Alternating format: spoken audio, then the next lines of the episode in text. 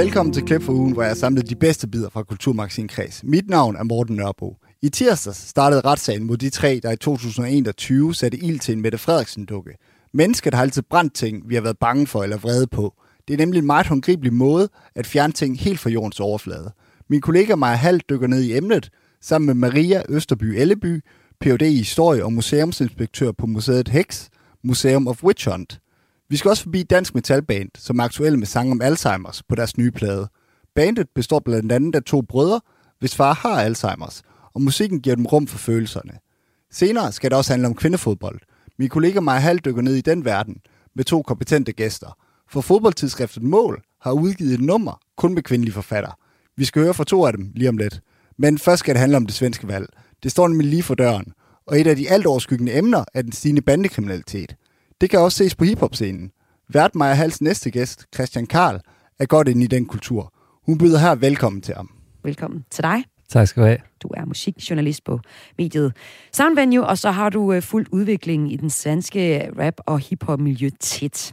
Hvis vi skal tage et meget konkret eksempel her, så er der den bare 19-årige højt profilerede svenske rapper Ejner, der er blevet skudt og dræbt foran sit hjem i Stockholm.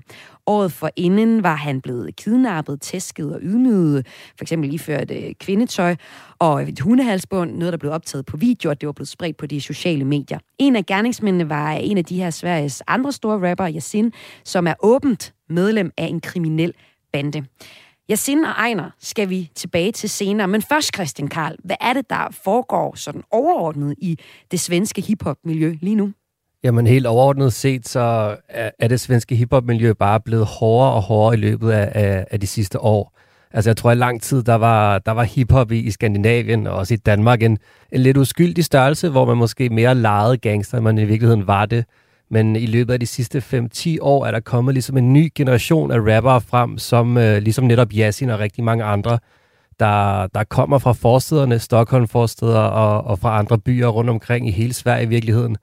De, øh, de kommer tit ligesom ud og frem gennem sociale medier, ikke gennem den etablerede musikbranche, så der er ligesom deres egen musik, deres egne billeder, og det er ligesom helt hårdt og ufiltreret. Og det, der er sket der, det er, at teksterne er blevet hårdere og hårdere. De handler tit om bandekonflikter, handler om folk, der er blevet dræbt, eller handler om virkelige begivenheder i bandekonflikter. Musikvideoerne er fyldt med våben, kamphunden, stoffer og, og ligesom maskerede folk og scootere. Så det er nærmest blevet lidt et, et våbenkapløb, hvor det handler om at være så hård som muligt og, og så voldsparat som muligt. Og hvis man så også oven i købet, ligesom Yasin, har reelle bandeforbindelser, så, så er det nærmest bare plus. Ja, og hvad ved vi om, hvordan publikum tager imod det her? For det lyder jo på dig, som om, at det er dem, der er afgørende for, at de her øh, banderelaterede hiphopper, de faktisk kommer frem. Jamen, altså det utrolige er jo, at, at det bare ligesom er blevet kæmpestort. Det her er ikke... Øh, altså Yasin er ikke bare en, en, en undergrundsrapper mm. med en smule succes. Han er jo en af Sveriges absolut største rapper. Altså i Danmark har vi lidt en lignende udvikling, hvor, hvor folk som Branko og Chili, som rapper om lidt nogle lignende ting, er ligesom af landets største artister. Så, så det er kæmpe store popstjerner, og, og jeg tror, de har et kæmpe publikum i de forsteder, hvor de kommer fra, men også i det brede Sverige. Altså det er også noget, som middelklasse børn lytter og fester til, så det er et, et kæmpe kulturelt fænomen. Ja, det lyder jo lidt som om, det taber ind i det, vi, vi lige talte om før. Altså, der er ligesom er sådan en, en ventil, der er en overophedning, man har brug for at sætte ord på nogle ting, og hvor det der, vi snakkede om tidligere, det var den utryghed, men her der er jo også nogle frustrationer, der ligger i de tekster, vi lige skal prøve at se lidt nærmere på os. Men det må vel også være noget af det, der bliver sådan sat ord på, frustrationen om at, at være til at finde sin plads, og så er den så bare meget voldsom, den frustration, skal jeg sige selvfølgelig. Ja, det tror jeg bestemt, og netop også det her med, at det kommer ikke ud gennem et pladeselskab. Det kommer mm. direkte og ufiltreret. Det er også det, jeg tror, som gør, at, at nogle af de artister bliver så store, at det føles som en meget ekstrem virkelighed, som, som måske ikke bliver vist mange andre steder, men, men gennem de her rap-sange, der kommer den, altså, den her vold, de, de her mennesker lever med helt utilsløret frem, ligesom. Og vi skal prøve at zoome ind på øh, to af nøglepersonerne, kunne vi kalde dem. Vi har ham her, Yasin, som er svensk-somalisk. Øhm, vi skal høre nummeret Chicago, men kan du ikke lige prøve at sige, altså, hvad er det for en rapper? Hvor, hvor meget af det, han rapper om, er, er ægte? Jamen netop den her sang, Chicago, er, er jo fyldt med referencer til, til hans venner og andre medlemmer af den her bande Shotas, som, som Yasin er en del af. Øh, uh, Shotas er en meget berygtet bande i Stockholm for, for en meget lang konflikt med, med en anden bande, der hedder Dødspatruljen, der har, har krævet rigtig mange dødsoffre. Altså en af de mest omtalte konflikter i Sverige. der er Yasin og, og JB, som er hans højre hånd, ligesom de er klart på Shotters side, og i, i Sang Chicago er der masser af referencer til, til, til mere eller mindre tilslørede referencer til, til voldsomme episoder i den her bandekonflikt og til andre medlemmer af Shotters.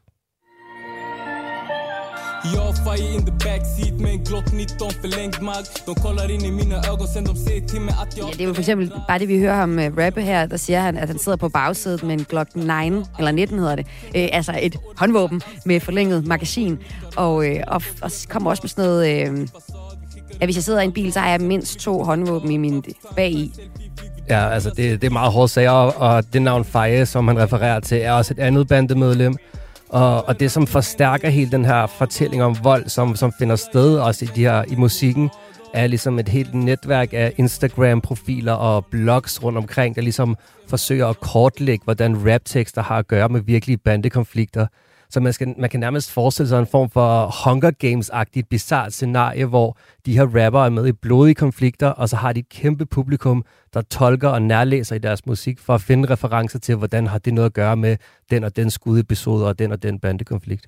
Noget af det, der også bliver sunget på det her nummer, det er, øh, øh, nu oversætter jeg lige, frit oversat på dansk, ikke? Yes. Stop med din facade, vi sender dig op til Allah, øh, så flyver vi til Katar. Hvor meget spiller sådan religion og også etnicitet i de her sangtekster?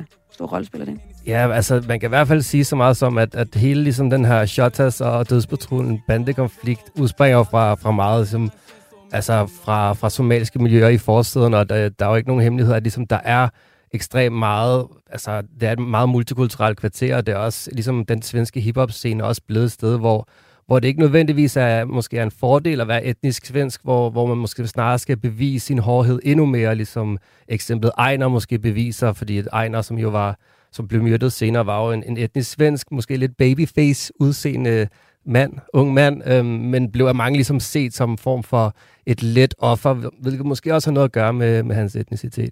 Jamen lad os da bare prøve lige at tage øh, ham. Øh, Christian Garl, du er musikjournalist og med her i Græs i dag for at kigge på øh, det svenske rap- og hiphop-miljø i forbindelse med, med valget, som er her i weekenden. Ejner, hvem, du siger, han er sådan en babyface en, men hvis jeg lige spiller noget af hans musik, altså, så er der også rimelig noget smæk på her. Ja. Lige så kommer det. Inte något svar, det där är upp till Gud Men en sak här är klar, det finns inte någon tur ey. Mera para, jag lovar mera vänner Kom till saker börjar hetta, då tro mig de alla vänder dem Och vill de bränna oss, tro mig vi bränner dem Shuno vill se mig döda, men shunorna var min vän en gång Jag svär det sjukt, du hör ju det jag berättar om Tror du jag snackar Man kan selvfølgelig godt høre den mere sådan emotionelle lyd over dem Jeg tror faktisk, der kommer et stykke her senere i nummeret, hvor der, hvor der virkelig også er smæk på Og det er der også i tekstuniverset Altså, der er det også noget, øh, Shunun vil se mig død, men Shuno, øh, han var min ven engang. Jeg sværger, det er sygt. Øh, du kan høre, hvad jeg taler om. Øh, tror du, jeg taler lort? Så gå videre til den næste sang. Og stedet, hver gang de arresterer øh, folk, så løslader de dem igen, og folk dræber hinanden. Og Altså, det er også hårde sange. Han synger om øh, sælge hash, øh, når man er 14 år gammel og sådan noget. Øh, men hvem er han? Ja, ja altså, du har helt ret. Der, der er rigeligt smæk på hos, mm. hos Ejner også, og masser af sang om, at han kan køre rundt med pistolen øh, i skødet i sin bil og så videre. Så, så det, det, det, er ligesom, det er mindst lige så hårdt hos Ejner, som det er hos Yasin eller så mange andre. Uh, men jeg tror, det der gør ligesom, at historien om Ejner er, er blevet et meget godt eksempel på, hvor brutal verden er i nogle af de her forsider i Sverige, er, at Ejner jo er vokset op i Enschede-Dalen, som er også en, en Stockholm-forstad, som, som ligger tæt på, hvor, hvor Yasin er vokset op. Også et ekstremt hårdt sted.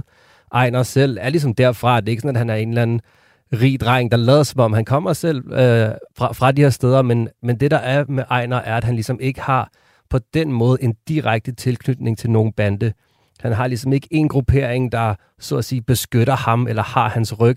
Det er i hvert fald det, jeg har fået fortalt, da jeg, da jeg har talt med den svenske journalist Diamant Salihu, som ligesom er, er den førende ekspert på det her område. Han, øh, han siger ligesom, at Ejner blev set som et let offer, simpelthen fordi han ikke selv havde en bande, der beskyttede ham helt tydeligt.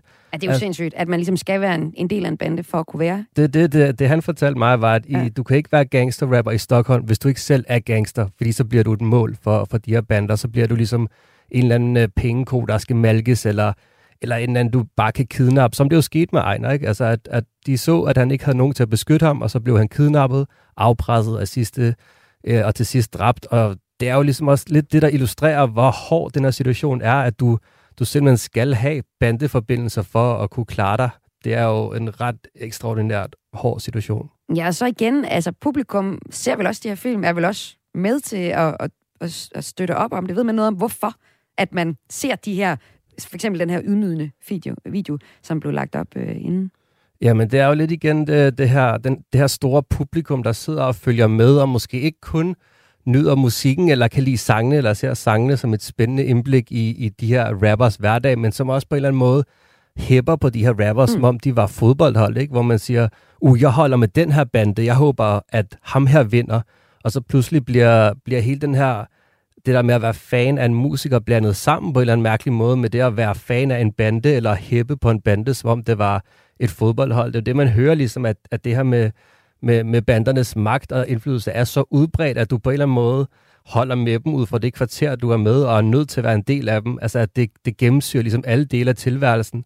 Så når, når folk ser Ejner blive kidnappet, så er det nærmest en del af det her ja, altså blanding af sport og reality show og Hunger Games, mm. der, der foregår. Ja, vi snakker jo så tit om, at, at øh, når det kommer til Sverige, så, øh, så er de nogle gange sådan foran os på, hvor, øh, hvor voldsomme debatterne er i det hele taget. Altså, og lige i forhold til det her, der må det jo også være sådan, for hvis vi kigger i Danmark, så er der jo også sådan en øh, gangster-rap-kultur. Altså, vi har Shooter Gang, og vi har også set en øh, rapper, der blev skudt og dræbt i Aarhus sidste år. Vi har nogle fængslede øh, kunstnere. Men, men hvor, altså sådan, hvor hårdt er det lige nu? Altså, det er altid lidt svært at se, når man, når man står udefra. Jeg tror netop drabet på Ejner ligesom virkelig gjorde det virkelig tydeligt for mange i Sverige, hvor gralt det stod til. Men altså, efter min bedste overbevisning, så har vi, er vi ikke i nærheden af at have sådan nogle, jeg frygtede, svenske tilstand i Danmark. Øh, jeg, jeg ser ikke ligesom danske rapper helt tydeligt gå, gå frem med en eller anden bande i ryggen, som de refererer til på den måde. Jeg ser heller ikke danske rapper ligesom sende skjulte hilsner til til reelle overfald eller mor eller døde mennesker på samme måde, som, som man ser det i, i, i Sverige på den svenske hiphop-scene. Så jeg vil sige, der er også blevet meget mere hårdt på, på den danske rap-scene. Som sagt, vi har set skudepisoder af rapper involveret i knivstikkerier og kidnapninger, og også øh, en enkelt rapper, der er blevet dræbt. Men det føles mere som, som ting, som altså ikke på den måde er filtreret ind i selve deres musikalske virke, som, men, men som hvad, det er i Sverige. Jeg kan godt, det, det kan du garanteret ikke svare på. jeg kan godt forstå, hvorfor det er så forskelligt. Altså, det må have noget med publikummet at gøre. Altså også tit, når vi her på Kulturmagasinet Kreds ringer rundt til kunstnere og taler politik, så er det jo ikke altid det, man gerne vil tale om. Øh, men man vil gerne tale om øh, livet i nogle lidt mere bredere øh, termer, hvis du kan følge mig i den, i den snak. Ikke? Altså sådan, mm. om, om det er fordi, at, at det bliver sammenblandet mere i, i Sverige, end det gør i Danmark? Jeg tror, altså, at det nok uden tvivl er en del af det, at, at uh, problemerne er så meget større i Sverige, at banderne har så meget mere magt i Sverige, mm. at der er så mange flere våben, at der bliver dræbt så mange flere, at det bare simpelthen gennemsyrer mange af de der lokale samfund meget mere, end det trods alt gør i, i Danmark. Altså ja. hvis man køber ind på den præmis, at kunsten afspejler ligesom samfundet, den, den bliver lavet i, så kan man se, at i Danmark er der selvfølgelig masser af problematiske artister. Der er artister, der kommer fra, fra voldsomme miljøer, men det er på ingen måde lige så slemt som, som i Sverige, hvor, hvor man jo kan se, at i Ejners tilfælde, at, at man ligesom folk går til grunden, fordi de kan navigere et eller andet form for bande-økosystem, der, der styrer hele scenen. Sådan noget har vi ikke her på den måde. Er du som musikjournalist bekymret for, at vi får det? Ja, ja det er der. Altså, jeg håber da aldrig, vi får, vi får situation som, som den i Sverige. Altså også, jeg synes, Ejner var en, en fantastisk musiker også, som, som ligesom som vi er gået glip af dybest set. Sådan noget håber, jeg, der aldrig sker i, i Danmark. Men, øh, men når man ser også bare uden for musikverdenen, så kan jeg ikke se så meget, der tyder på, at vi i Danmark er på vej i en, i en lige så slem situation, som de er i Sverige. Det var her Christian Karl, musikjournalist på mediet Soundvenue. Mit navn er Morten Nørbo. Du lytter til klip for ugen på Kulturmagasin Kreds, hvor jeg samlet de bedste bidder fra ugen. I tirsdags startede en retssag mod de tre mænd, som er tiltalt for trusler mod statsminister Mette Frederiksen. Sagen handler om demonstrationen mod regeringens coronarestriktioner i januar 2021, hvor der bliver klynget en mannequin-dukke op i en lygtepæl. Dukkens ansigt er et billede af statsministeren, og på maven er der et skilt, hvor der med rød skrift står, hun må og skal aflives. Vi skal starte med at høre et lille klip fra demonstrationen.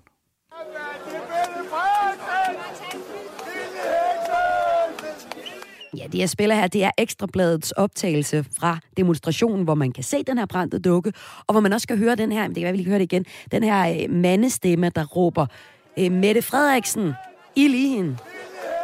Eller, det er Mette Frederiksen, ild i heksen, råber øh, mandestemmen her. Det her med at brænde ting i, som vi er bange for, eller vrede på, som i det her tilfælde, er en metode, som vi mennesker faktisk altid har brugt. Det er nemlig en meget håndgribelig måde at fjerne noget fra den fysiske verden på. Det mener du, Maria Østerby Elleby, Ph.D. i historie og museumsinspektør på museet Hex, Museum of Witch Hunts i Ribe. Velkommen til Kreds, Maria. Jo, tak skal du have, Maja. Du er der. Du har forsket i øh, hekseprocesser i Danmark og læst retsbøger fra datidens hekseforfølgelser. Øhm, og med den her viden i baghovedet, så kunne jeg godt tænke mig at høre dig. Hvad var det første, du tænkte, da du så de her billeder af Mette Frederiksen-dukken, der var blevet øh, klynget op og så faktisk også brændt her i øh, januar sidste år?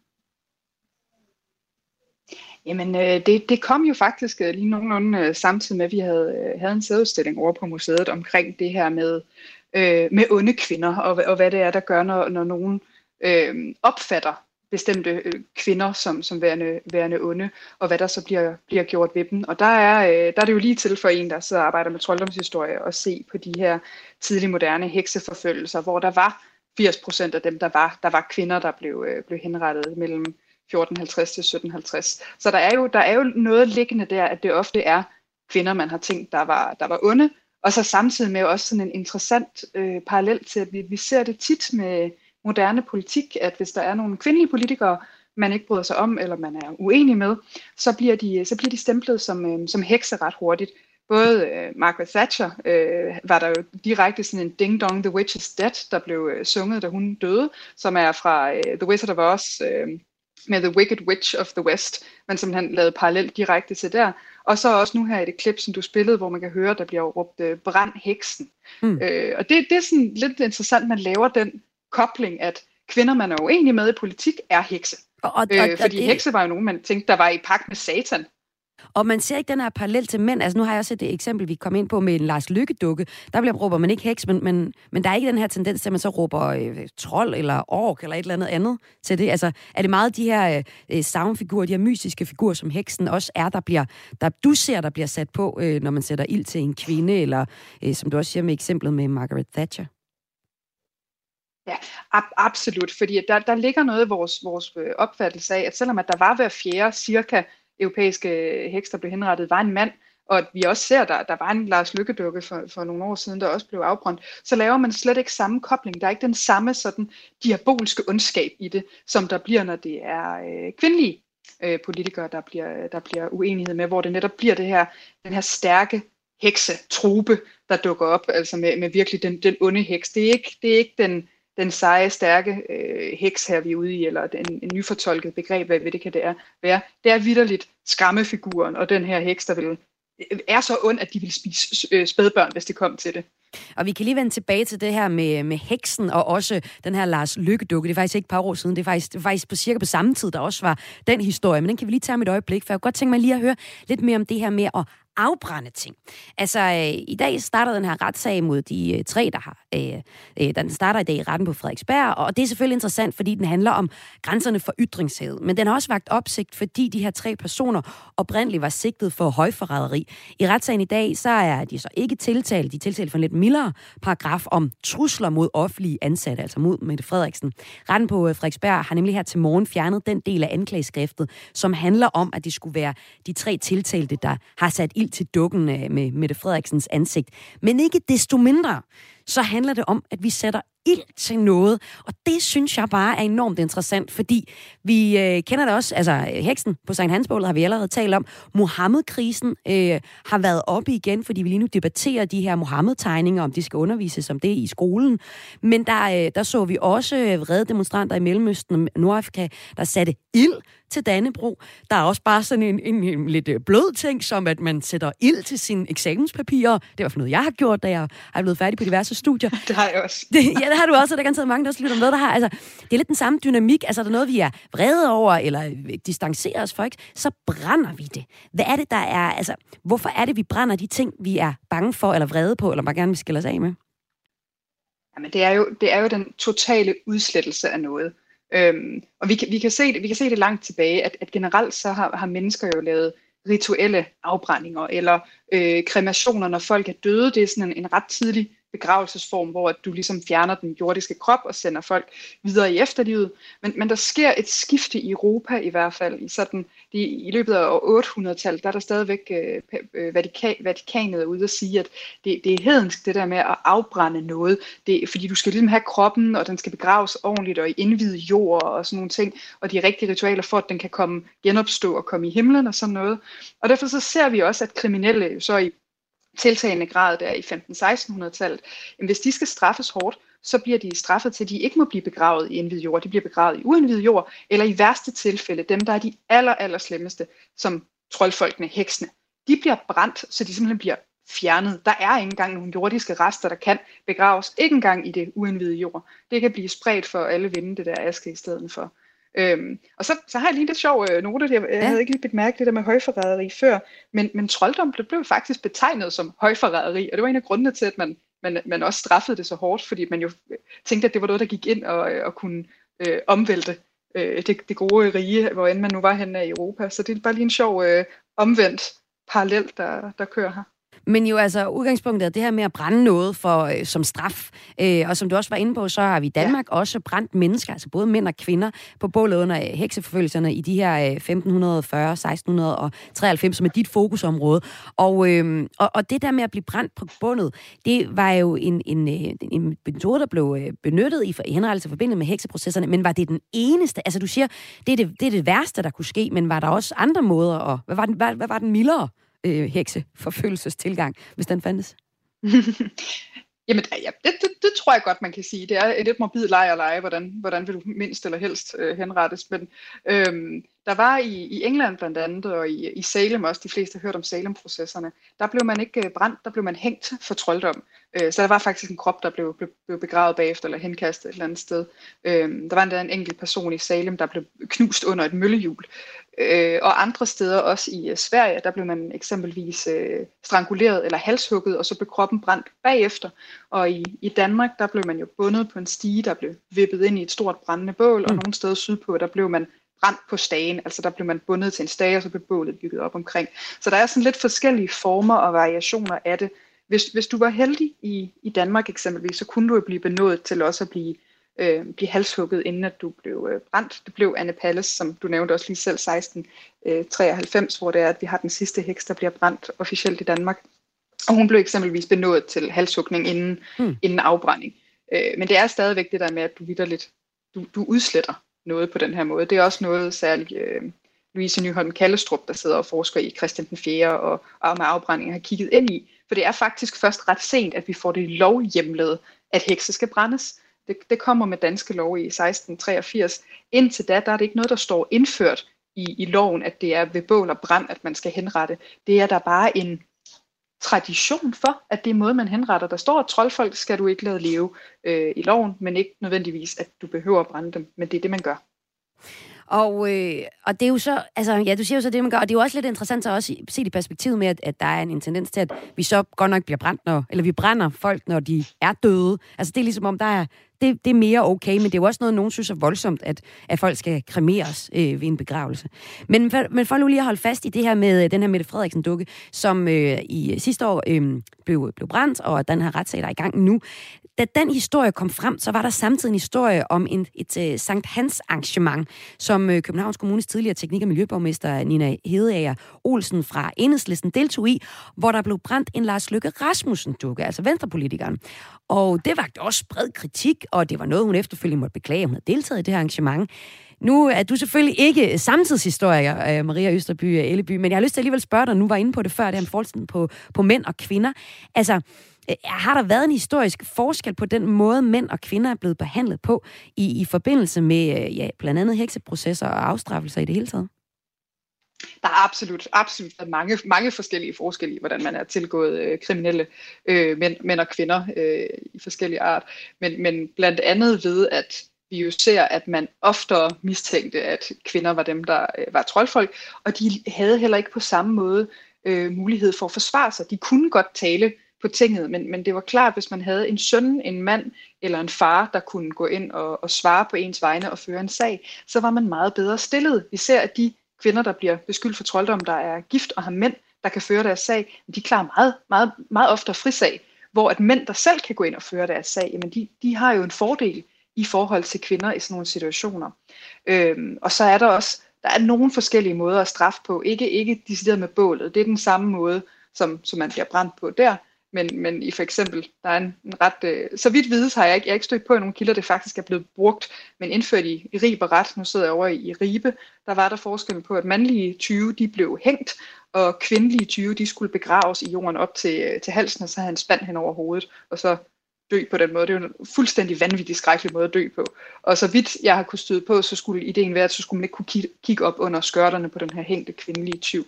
Øhm, jeg vil dog sige, at jeg er ikke stødt på, at det her nogensinde er blevet benyttet, men mere har floreret som sådan en til, til skræk og advarsel øh, ting med, hvor, hvor, hvor stramt det var at blive, øh, blive fanget i tyveri i, i Ribe-området.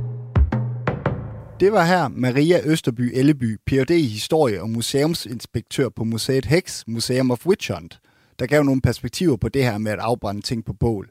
Du lytter til klip fra ugen, hvor jeg samlede de bedste bidder fra Kulturmagasinet Kreds. Mit navn er Morten Nørbo. Hvad skal man gøre, når dem, man elsker, ikke længere er helt sig selv? Det er et spørgsmål, som mange pårørende må stille sig selv, når de oplever, at et familiemedlem bliver ramt af demenssygdommen Alzheimer's.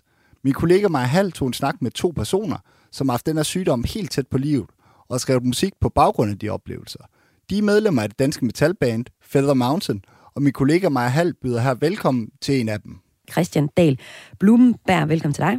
Tak skal du have. Du var der, og du spiller trommer i bandet, og så kan jeg også byde velkommen til bassist og en, der også med på vokal i bandet, Andreas øh, Dahl Blumenberg. Også velkommen til dig. Hej, tak skal du have. I er brødre, og så er I altså en del af metalbandet Feather Mountain, som i torsdags udkom med et album, To Exit a, Mail, a Maelstrom, øh, hvor I synger om de her følelser, der opforstår i forbindelse med at være pårørende til øh, en med sygdommen Alzheimer's, det er jeres far. Og tillykke med albumet. Tak skal du have. Vi skal høre om, hvordan I har arbejdet med det her øh, tunge emne til i, i noget så ja, en, en speciel genre, som øh, metal er. Det forbinder vi måske mere med noget, øh, noget mere eksorcistisk og sådan mørk på en anden måde. Øh, og vi skal høre, hvordan de her to ting hænger sammen. Men lad os først lige høre, hvordan jeres musik lyder. Her får vi lige en bid øh, fra nummeret Sincere fra jeres nye album her. And souls to be worn down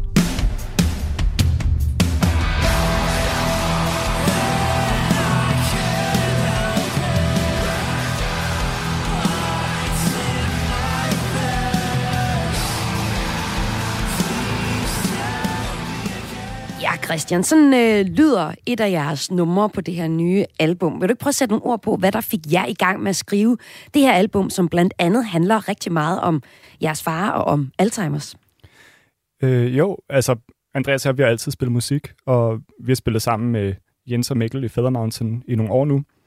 Og øh, vi udgav et album i 2019, som øh, var meget eksistentielt, men også meget abstrakt. Og vi havde tænkt os, at vi ville skrive et tematisk album den her gang, som øh, var lidt mere konkret. Og vi havde nogle idéer til, hvad vi gerne ville skrive om. Men ja, omkring august 2020, så øh, der fandt vi ud af, at der var, der var noget galt med vores far.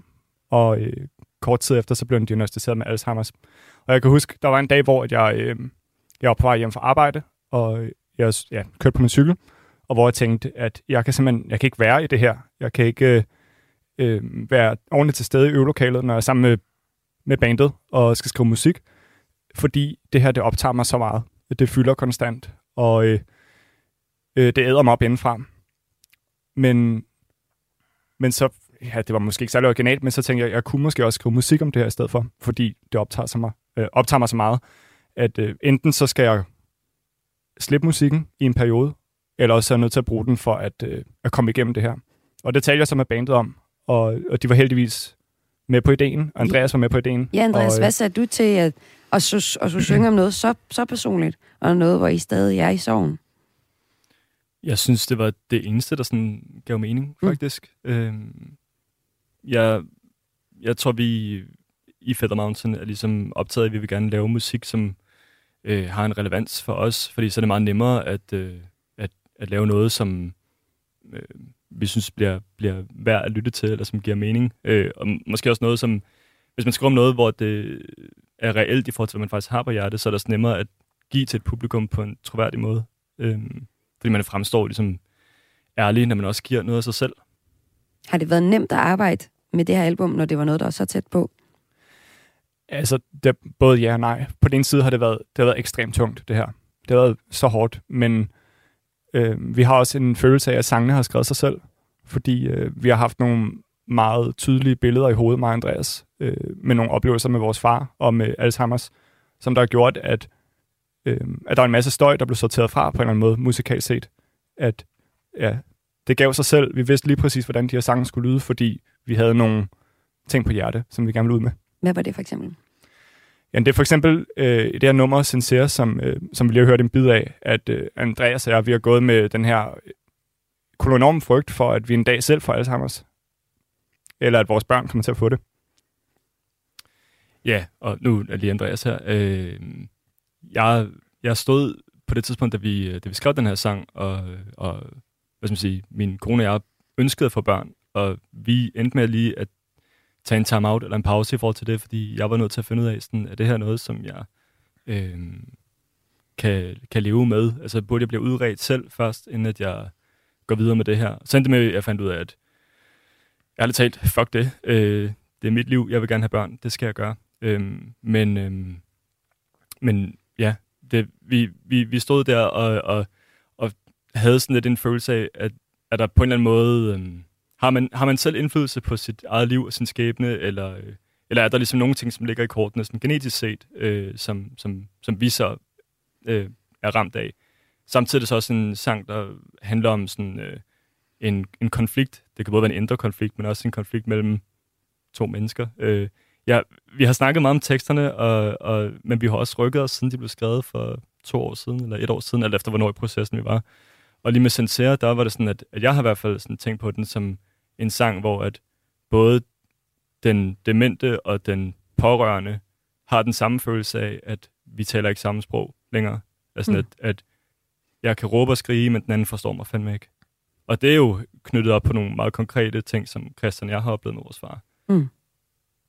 Og øh, vi skal også lige tale om, hvordan I konkret har arbejdet med det i det her nummer, øh, Sincere. Men jeg kan også godt tænke mig at høre jer, altså, I har spillet metalmusik i noget tid, og det er også det, I fortæller. Altså, øh, når man taler om metal, så sagde jeg også indledningsvis, så får man nogle andre, tænker man på nogle andre emner, og man tænker måske på øh, sådan noget black metal, eller øh, hård metal i det hele taget, hvor der bliver taget sådan nogle, hvor vi måske går sådan lidt ned i mytologien, og taler om nogle stærke følelser ført over på nogle djævle monstre øh, figurer, også i tekstuniverset. Øh, så da jeg først ser, at I laver noget, hvor I, hvor I taler meget tydeligt ud om, om de her oplevelser med at have en far, der har Alzheimer's, så var jeg overrasket over det, og det fik mig også til at, at undersøge lidt, hvad forskningen egentlig siger om det her. Og, øh, og jeg kan jo se, at, at der er sådan en generel fordom om, at, øh, at metalmusik, det gør folk øh, mere aggressive, ikke? Og det har forskningen gen, gentagende gange i godt nok meget små studier øh, afvist, at det er ikke sådan, men det er noget, der i, den, i, i større grad giver et afløb for øh, de følelser, man har. Øhm, er det også noget, I har oplevet, når I så øh, spiller musik, når I øver den igennem, Christian? At, I, at du også får et afløb for de frustrationer, du har som pårørende? 100 procent, fordi det her musik, vi spiller, det er meget fysisk. Altså, al musik er jo fysisk. Øhm, men metalmusik, det er måske lidt mere end andre genrer, fordi der bliver spillet hårdt, og der bliver spillet hurtigt, og der bliver spillet rigtig højt også. Og hvad siger, vores musik er jo lidt atypisk, fordi det både indeholder nogle øh, nogle ekstremt hårde ting, men også nogle ekstremt fine og bløde ting. Men for mig, øh, at kunne tage øvelokalet, tage mine trommestikker, og så gå fuldstændig amok på det der stakkels trommesæt. Det har også været meget terapeutisk, ligesom at skrive sange og tale med mine bandkammerater, og øh, ja, og få professionel hjælp. Altså, jeg føler, at det er en taburet, det her, hvor at, at spille metalmusik har været en del af min healing, eller en del af min øh, sådan en proces med at få det bedre at acceptere den her situation. Øhm, og det er jo rigtigt, at metalmusik er også rollespil og drager og orker og alt det der. men, øhm, men for os i hvert fald... Ej, det kan godt være, det var meget stivt. Nej, nej. Firkantet udlægning. Det er, det er måske det, folk først umiddelbart tænker på, ikke? Ja, og det er fuldstændig rigtigt, fordi det er også en del af historien. Men for os, så øh, det er meget ekstreme følelser, og det er meget ekstreme situationer, som vi skriver musik om. Mm. Og der synes jeg også, at metalmusik øh, kan noget. Fordi hvis vi spiller bossa nova, eller café jazz, eller noget andet den stil, så er det svært, øh, føler jeg, at yde det retfærdighed der. Mm. Fordi det er så ekstremt, og det er så, øh, det er så vanvittigt hårdt, det vi er gået igennem. Og der er det rart at kunne genremæssigt trække på nogle ekstreme virkemidler. Øh, Og jeg kan sige, at dem, der er tunet ind på Radio 4 lige nu, så lytter du til Kulturmagasinet Kreds, og jeg har besøg af Christian og Andreas fra metalbandet Feather Mountain, som øh, debuterede i 19, og øh, nu netop har udgivet deres andet album, øh, som er, er lavet med rigtig meget udgangspunkt i jer, som er brødres øh, historie om jeres øh, far, der har Alzheimer's. Øhm, jeg kunne godt tænke mig, at vi dykkede lidt ned i nummeret Sincere, som vi også skal høre lidt mere af afslutningsvis her. Det er et øh, nummer, som vi beskriver, handler om jeres egen frygt for sygdommen, altså for at få den selv eller give den videre. Og den arbejder I også med øh, sådan, altså sådan, den, den dualitet, der er i det, altså frygten, og at man også skal leve livet i, i sangen. Prøv at sætte nogle flere ord på, hvordan I, I arbejder med tekstuniverset i, i, den her, i den nummer, vi skal høre lidt mere endnu. Altså, øhm, For eksempel efter to minutter, så kommer den her growl ind over. Ja. nummeret. Hvad skal den? øhm, den... Jeg tror, den... Det er mig, det er mig der growler. og, øh, og, og jeg, sådan som jeg det der det med, at øh, bare internt i bandet har vi jo forskellige oplevelser af, hvad, hvad helt præcist øh, de her tekster egentlig betyder. Og det synes jeg jo også er noget af det fine ved poesi, at, øh, at man kan læse mange ting i det. Men det er der, hvor jeg oplever sådan den der, øh, når jeg står og råber der, så på en eller anden måde føler jeg, at jeg råber min egen frustration ud. Altså nogle af de telefonsamtaler, jeg har haft med min far for eksempel, øh, at, øh, at man, man har en oplevelse af, at den anden lyver for en. Men, men det er jo fordi, man, at, at vi, vi ikke længere, hvad skal man sige, øh, vi oplever virkeligheden så forskelligt, at det er, at det er svært at sådan være enige om, hvad det egentlig er, der er sket. Øh, Mm. Fordi minderne måske ikke længere rækker. Øh, Har I, har I kunne præsentere det her, hvis man spiller her nummer for jeres far? vi, ja, det, ja, og vi har også snakket med ham om det. Øh, at, øh, at vi har skrevet noget musik, hvor vi, og nogle, vi har lavet nogle tekster, og der er også kommet en dokumentarfilm om Mm. os faktisk. Øh, og vi har fortalt ham om det, hvor vi sagde, at øh, vi har lavet noget musik, som handler om, at vi har haft det rigtig svært øh, med de ting, der er sket med dig. Øh, og det handler ikke så meget om dig, som det handler om at være os, Mm. at være pårørende. Fordi vi synes også, det er nemmere at stå på mål for det, når skal man sige, det er vores eget liv, vores egne oplevelser, det handler om, og vi ikke prøver at tolke på en anden persons øh, virkelighed, eller virkelighedsopfattelse. Men i forhold til, da vi skrev teksterne til Sincere, det har været ret meget den samme sådan, øh, øh, hvad skal man sige, fremgangsmåde, vi har brugt til hele albummet, øh, fordi øh, alle teksterne, det, det er vores sanger, som har skrevet dem. Der er nogle enkelte stykker, som jeg har skrevet, øh, men primært har det været ham, sangeren, der har skrevet det. Og det er både, fordi han er bedre til at skrive dem, men også fordi jeg synes på en måde, at det, det var ret at, at give den til en anden, øh, fordi øh, hvad skal man sige, folk læser meget ind i teksterne, måske mere end de læser en basgang. Øh, Mm. Mm. og, øh, men alle teksterne er baseret på, øh, på rigtig, rigtig mange timers samtale internt i bandet, hvor netop når Christian og jeg har mødt op i øvelokalet og har været fyldt op med en eller anden oplevelse. Mm. Øh, og så har vi sagt, okay, vi bliver nødt til lige at øh, lige vende det her, fordi øh, det har vi brug for, inden vi går ind og spiller, fordi ellers så kan vi ikke øh, rigtig være i det. Og, og så er vi ligesom bare blevet enige om, at der er en masse milepæle i den her øh, rejse, vi har været på, som, øh, som var oplagte at, at gøre til sangen. Og så er Sinceres tekster, det er så en af, af de her, øh, øh, man skal kalde det episoder eller minder, eller, eller bare et kapitel i, i sygdommen og at være pårørende. Og Christian, hvad sagde øh, din far til at, at høre om det her projekt? Jamen, altså, jeg var jo enormt nervøs, da jeg skulle fortælle om det. Men, øh, men han, han var stolt og glad. Han spiller selv musik. Og, øh, og han var forstående over for, at vi har behov for at skrive om det her. Mm. Øh, men, men det er ømtåligt, og det er svært. Og det er ikke noget, jeg presser ned overhovedet på ham. Øh, jeg har vist ham numrene, vi har lyttet til dem sammen. Men det er ikke fordi, jeg... Øh, øh, ja, tvinger det ned over ham. Jeg har det, ligesom Andreas sagde, det er faktisk vores oplevelse af at være pårørende, og det er ikke så meget hans oplevelse af at have Alzheimer's. Øh. Og lad os øh, nu høre nummeret Sincere, som I altså øh, står bag som en del af metalbandet Feather Mountain. Tusind tak, fordi I var med her. Christian Dahl Blumenberg og Andreas Dahl Blumenberg, altså brødre og med i metalbandet Feather Mountain.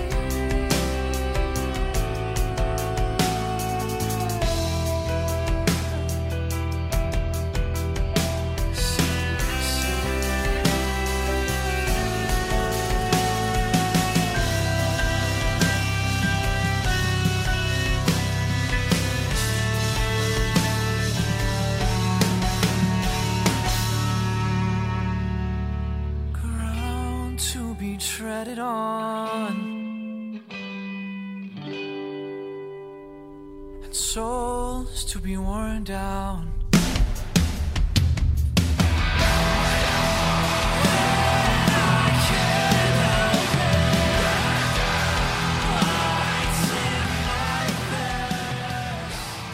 Det var så bandet Feather Mountain med sangen Sincere. Du lytter til et klip for ugen, hvor jeg samlede de bedste bidder fra Kulturmagasin Kreds. Mit navn er Morten Nørbo. I tirsdagens udgave af Kreds satte vært Maja Hall fokus på kvindefodbold.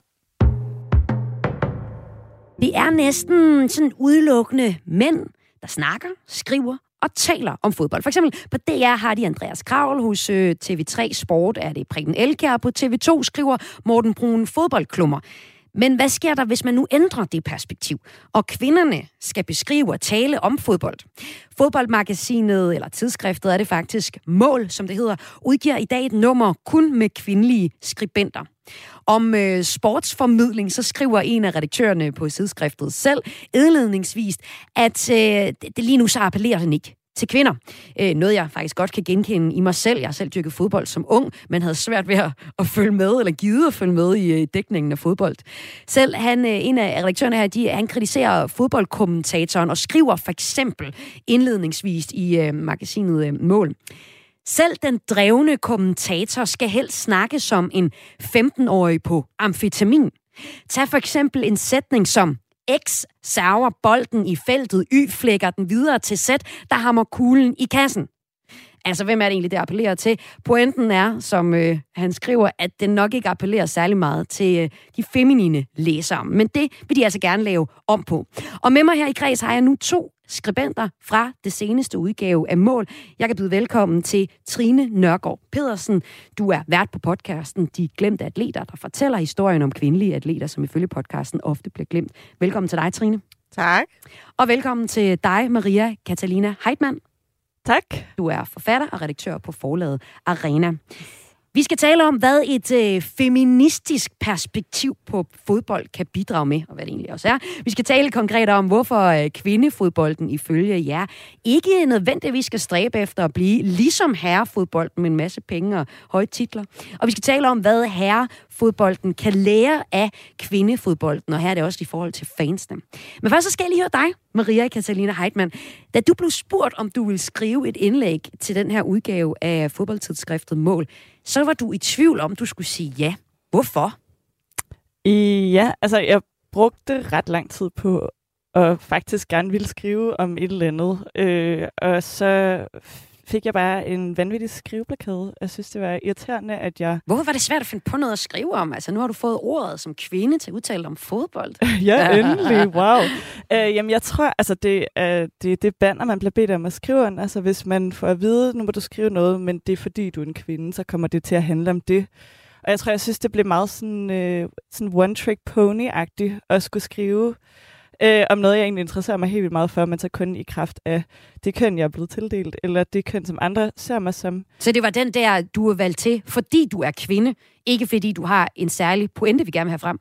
Ja, ja, præcis. Altså, det blev meget sådan, øh, det blev sådan lidt zoologisk haveagtigt for mig at invitere en masse kvinder til at skulle snakke om fodbold under et feministisk banner, og så er det sådan, Nå, okay, nu er det endelig kvinder, der er sådan, vi skal høre, hvad siger. Eller sådan, hvad, ja. hvad er det, de har at sige? Og sådan, der, der er rigtig mange kvinder derude, man kan bare spørge dem, hvis man gerne vil vide, hvad de har at sige, men sådan, det blev bare meget hurtigt. En lille smule voyeuristisk, og en lille smule måske dovent at lave et tema for at få nogle kvinder med, som så handlede om det at være kvinde. Men øh, du valgte at skrive til det, og øh, de tog også imod det. Selv så skriver de to øh, redaktører, at øh, Lars Skovs, øh, Skovgaard Laversen er en af de to redaktører. Han skrev, det er paradoxalt, at to mænd står for et nummer, der gerne vil skubbe til ligestillingsdebatten. Det indfanger essensen af problemet. Fodboldkulturen er mandsdomineret, noget I begge to nikker ja til. Trine Nørgaard Pedersen, jeg kunne godt tænke mig at høre, øh, høre dig også nu. Øh, hører vi det her sådan, Nå, men så, så fik man ordet, men, men hvad er det egentlig, I gerne vil have, vi skal snakke om. Du, øh, vi skal høre præcis, hvad du har skrevet om også. Men vil du sige, at, at løsningen er at få flere kvinder til at kommentere på fodbold? altså generelt vil jeg jo gerne have flere kvinder, der kommenterer på sport og skriver. Måske, altså det bliver jo sådan det der med, når det er en særudgave, eller noget specielt bokset inden for sig selv, så det er jo ikke en løsning, så bliver det altid lidt noget midlertidigt. Øhm, og jeg tror, det er der, hvor jeg godt kan følge øh, Marias pointe. At sådan, øh, så min ja, jeg vil da gerne have det. Der er alt for få øh, kvinder. Det er jo sådan noget 91 procent af alle øh, sport, eller journalister i Danmark, der skriver om sport af mænd. Altså sådan, det har forskning vist, så det vil jeg da helt vildt gerne have, at der er flere kvinder, der snakker om. Hvorfor? Og, jamen, fordi vi også elsker sport. Det er jo så simpelt. Altså sådan, jeg elsker også fodbold, og jeg har også tanker, også mere end bare det feministiske, eller hvordan det er at være Mm. kvinde i sport. Jeg har også bare, altså sådan, ja, om fodbold generelt vil jeg gerne bare snakke om. Øhm, og det synes jeg også er et værdifuldt perspektiv. Altså sådan, vi har også gode kritiske analyser, og ikke kun om køn. Øhm, Og der bliver netop lagt op til, at de analyser er øh, nødvendige i den tid, vi er i, og det er- bliver der givet plads til. Men jeg kunne også godt tænke mig at høre jer lidt mere konkret til det her feministiske perspektiv, og hvad det kan bidrage med. Maria, hvad er et feministisk perspektiv? Tilgiv, tilgiv mig, hvis det er et banalt spørgsmål. Jamen, det er jo på en gang et super banalt spørgsmål, og et meget kompliceret spørgsmål. Så jeg tror, altså det, det er jo mega godt at snakke om, hvad det egentlig er, det er, vi snakker om. Øhm, men altså, man kan sige, ofte bliver feminisme ligesom set som sådan en konkre- konkret ligestilling mellem mænd og kvinder. Og det sådan, er jo bare en brøkdel af, hvad, et, ligesom, hvad feminismen er. Og sådan, man kan måske kigge på det som et par øh, briller, man ser på den måde, vi laver samfund med hinanden på. Så sådan, feminisme er blandt andet at kigge på ligestilling eller ligeløn, men det er også at kigge på øh, racisme i fodbold, som jo ikke nødvendigvis er sådan kønnet øh, binært mellem mænd og kvinder. Det er også at kigge på sådan milliardæratleter, det er også at kigge på sådan transfobi, det er også at kigge på homofobi mellem mænd. Altså sådan, der er, der er så mange forskellige ligesom, elementer, der hænger sammen, at det ikke kan reduceres til at være sådan her, Når men kvinder, de vil gerne have ligestilling, derfor er de feminister, eller sådan, der er ingen garanti for, at en kvinde er feminist, men man kan jo håbe, at hun er feminist. Men, men jeg kan også spørge mere konkret, hvordan kan feminisme hjælpe på, at vi øh, her for et par dage siden så, at Lyngby Boldklub har fået en bøde for, at der er kommet, øh, de, der er kommet homofobiske tilråb fra rækkerne. Altså noget, vi ser, at der bliver sanktioneret økonomisk mod boldklubber, hvor der er en, en dårlig øh, tilråbsstemning. Øh, kan feminisme hjælpe med det? Ja, altså det er jo, man må sige, det er jo feministisk, at man går ind og sanktionerer, eller sådan, der har man allerede taget et valg om, at det vil man ikke acceptere, ja. så på den måde, det, sådan, det kan jo konkret stoppe, at folk gør det, eller få nogle penge tilbage ind i systemet, og så må man jo fordele det ud på, at der bliver bedre forhold for kvindefodbold, eller for andre tiltag, eller få flere kvinder ind i sporten generelt. Så et feministisk perspektiv er i det her tilfælde at sige fra over for homofobiske tilråb. Ja, altså det kan man jo da godt banalt sige. Trine Nørgaard Pedersen, det kan være, vi fortæller i de banale her. Du har skrevet teksten Ligestillingspris, som stiller spørgsmålstegn ved, om kvindefodbolden overhovedet skal stræbe efter at blive ligesom herrefodbolden forstås at der skal være øh, lige løn og lige, øh, ikke vilkår, men i hvert fald også, hvor vi taler noget om de store titler og de mange penge, der, øh, der knytter sig til herrefodbolden. Hvorfor synes du ikke, at Pernille Harder, en dansk fodboldspiller, skal have lige så mange millioner, som vi ser hendes mandlige kollegaer få? Altså, fordi jeg ikke synes, at nogle mennesker skal tjene så mange penge for at spille fodbold. Er det et feministisk perspektiv? Ja, det vil jeg sige. Hvordan? Altså, det er, jo øko- det er jo en idé om, hvad skal man sige, økonomi og hvor mange penge folk skal tjene, og også omfordeling. Fordi der synes jeg, det er vigtigere, at man laver, hvad skal man sige, et sundt fodbold, sådan økosystem, hvor nogle af de penge bliver fordelt ned til de mindre klubber. Det er jo også det problem, vi ser i herrefodbolden nu. Altså er der sådan en top 10 af klubber i Europa, der lever rigtig godt og har absurd mange penge, men resten af dem kæmper for at overleve. Og hvis kvindefodbolden, eller bare fodbolden generelt, skal være sunde, så er det jo ikke noget, at vi ligesom koncentrerer pengene op i toppen, og så har de her enorme beløb. Det handler jo ligesom om at omfordele pengene, så der er flere sådan, atleter, der har gode vilkår, og som også kan leve af at spille fodbold på en ordentlig måde. Så hvilke dele af herrefodbolden skal fremhæves, og hvad skal, skal væk, Trine? Jamen, Eller hvad skal ikke fremhæves? Hvad skal ikke fremhæves? Jamen, altså, astronomiske lønner synes jeg jo er et problem, og jeg synes også, det er et problem, at vi har nogle ejere inde i fodbold, som jo er autoritære styre, men også mange millionærer, som altså sådan, det er problematisk. Og så er der jo også bare en fodboldkultur, altså en fankultur nogle gange, som blandt andet er homofobisk og transfobisk. Har du selv oplevet det? Øhm, altså sådan, det er jo ikke direkte, men jeg har jo altså stået og været til en fodboldfest eller til et stadion, hvor der så bliver råbt øh, homofobiske tilråb, hvor det jo ikke er målrettet mig, men jeg er selv en queer person, og så har jeg jo ikke lyst til at være en del af det. Hmm. Og så jeg man føler selv- sig ekskluderet fra sammenholdet, som ellers skulle være til sådan en fodboldkamp? Ja, altså sådan, det er jo bare det der med igennem sit liv, det er jo sådan nogle, at man sådan oplever sådan nogle små ting, eller jeg som kvinde altid skal bevise, at jeg er fan. Altså jeg skal kunne alle statistikker af alle spillere, og sige, hvornår, hvilken kamp jeg så. Øhm, hvor den oplever jeg bare ikke på samme måde, når jeg i hvert fald selv fokuserer mig omkring kvindefodbolden. Maria Katalina Heidmann, kan du genkende det, øh, du hører Trine Nørgaard Petersen sige her? Ja, ja, altså 100, procent. Det er jo meget sådan... Øhm, Ja, det er jo mega genkendeligt, at man, eller sådan, jeg har selv spillet fodbold i mange år, og sådan, især som barn spillede vi meget fodbold, og sådan, der råbte folk også super grænseoverskridende ting ind på banen, og sådan, altså kaldt kvinder for bøsse, eller sådan alt muligt, ligesom bare sådan fuldstændig udifferentieret, racistisk, homofobisk, misogyne ting, og sådan, jeg er meget enig med alle de ting, som Trine ligesom siger her, og sådan, det er jo, det er jo også bare sådan ret, det er jo ret typisk som kvinde, ligesom at stå og snakke med nogen, og så er de sådan, nå, ej, jeg kender, virke, jeg kender virkelig ikke særlig mange kvinder, der ser fodbold, eller sådan, ej, var du spændende, eller var du ekstraordinær, eller sådan, og det passer bare ikke.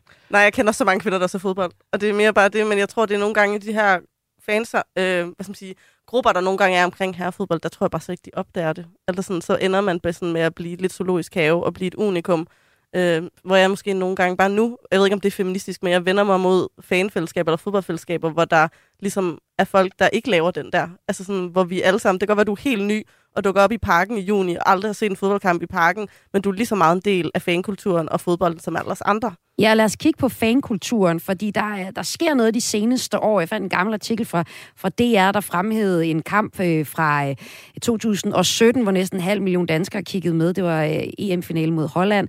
Øh, samme år, der blev kvindelandsholdet årets ord. Nadia Nadim blev øh, i Berlingske kåret til årets dansker.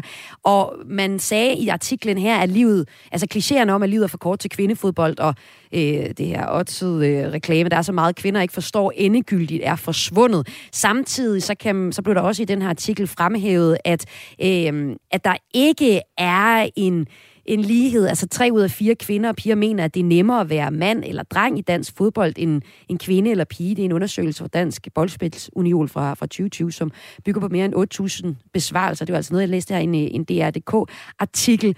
Hvis vi så ser på øh, forskellen mellem øh, kvindefodboldkultur versus herrefodboldkultur, øh, så kunne jeg godt tænke mig at høre dig, Trine. Altså, du ser næsten udelukkende kvindefodbold i dag, både øh, i, på stadion og i tv. Og her oplever du et andet slags fællesskab end herrefodbold. Hvad er det for et fællesskab, som herrefodbolden kan lære af kvindefodbolden, hvis vi nu skal sætte det op over for hinanden?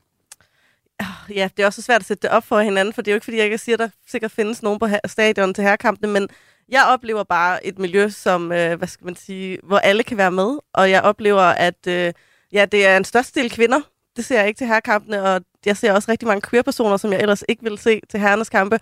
Og jeg ser mange familier, unge piger, og jeg ser også nye fans, altså sådan, der er meget tilpasse på en måde. Altså sådan folk, der ligesom kan øh, hvad skal sige, ikke har været interesseret i sport nogensinde, eller som spillede som barn og mistede det glæden, men som nu finder tilbage til det.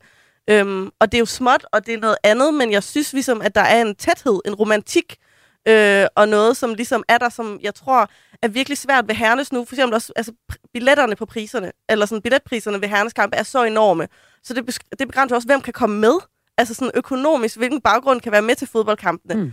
Og det er, sådan, det er jo til kvindefodbolden, der er der stadigvæk plads til, at vi kan få nogle folk med fra forskellige økonomiske lag også bare. Altså sådan, der er bare nogle ting, i hvert fald grunden til, at jeg gerne, hvad skal man sige, med ligestillinger, ikke at have lyst til at spejle os i herrefodbolden, det er, fordi jeg synes, der er nogle ting, som ligesom har taget en sidevej, som ikke er godt både for fansene eller bare for fodbolden. Øhm, og det vil jeg gerne have, at man kvindefodbolden prøver at tage lære af, og så ikke efterligner det. Det er ikke succes, at pris, prisen på billetterne bliver lige så høje, for eksempel. Det kunne man tænke, at det var mega fedt, at de er dyre en dag. Men det synes jeg ikke. Jeg synes, alle skal have adgang. Og det vi taler om her i Kulturmagasinet Kreds, øh, det er øh, øh, en feministisk fodbold, eller et perspektiv på fodboldkulturen i det hele taget. Konkret taler vi om kvindefodboldkultur versus herrefodboldkultur. Anledningen er, at øh, fodboldtidsskriftet Mål, der udkommer cirka tre gange om året, netop er udkommet med en udgave, hvor det kun er kvinder, der bidrager til tidsskriftet. Og med mig har jeg så to, der har, har skrevet til tidsskriftet. Det er Trine Nørgaard Pedersen, der er podcastvært, og Maria Catalina Heidmann, digter og, eller undskyld, forfatter og redaktør. Øhm, nu nævner vi, altså nu snakker, taler vi om, at der er nogle ting i, at, at kvindefodbolden er mindre. Øh, nu sagde jeg jo før, at der bliver sat rekord. Det gjorde det også senest. Øh, der blev rekorden til EM i kvindefodbold slået med 87.000 tilskuere ved sommerens EM-finale i Wembley i, øh, i London. Så er der ikke nogen tvivl om, at der bliver, at der er en større, altså fællesskabet vokser øh, lige nu. Men det, der så hører dig øh, sige, Trine, det er, at, at det skal helst ikke vokse på samme måde, som det gør i herrefodbolden. Øhm, hvordan, hvordan har du det, Maria? Altså, hvordan har du det med, med herrefodboldkulturen versus kvindefodboldkulturen med, med, med de feministiske briller, vi har taget på nu? Øh, jamen, jeg er vokset op med herrefodboldkultur. Øh, jeg har altid kun set herrefodbold, og ser faktisk meget lidt kvindefodbold øh, i det hele taget. Øhm, og sådan er begyndt at gøre det her øh, de sidste par år. Og sådan, Hvad har ændret sig? Jamen, altså jeg tror, det er nok bare sådan her min politiske gryende bevidsthed, der ligesom øh, sat gang i nogle ting, og så tror jeg også bare sådan, om der er kommet større mediedækning, så det er nemmere at få adgang til kampene. Jeg kan se det i fjernsynet, eller se det på nettet på en anden måde, end jeg kunne før. Øh, jeg kan læse om det i avisen, sådan, jeg kan genkende navnene, og sådan, jeg bliver eksponeret for det. Jeg skal ikke grave i arkiver for at finde ud af, hvem det er, der har spillet hvornår, og der kommer flere podcasts, blandt andet Trines podcast, der handler om sådan, øh, kvindelige sportsudøvere. Og det laver jo, altså det, skal, det genererer jo mere interesse, når der er interesse. Ja, så sådan, jeg tror, altså jeg, jeg synes også, det er, det er jo meget bredt at snakke om sådan den maskuline eller den feminine fodboldkultur, fordi jeg, den måde, jeg spillede fodbold på, var også rimelig grov nogle gange, eller sådan, der blev også sagt ting, og man skubbede også til hinanden. Og sådan. Men når man snakker om en mainstream-kultur, og når man snakker om fans og tilråb og mediedækning, så synes jeg godt, man kan snakke om, at der er en forskel. Tak til Trine Nørgaard Pedersen, vært på podcasten De Glemte Atleter, og Maria Catalina Heitmann, forfatter og redaktør på forlaget Arena. Mit navn er Morten Nørbo. Du har lyttet til klip for ugen på Kulturmagasin Kreds.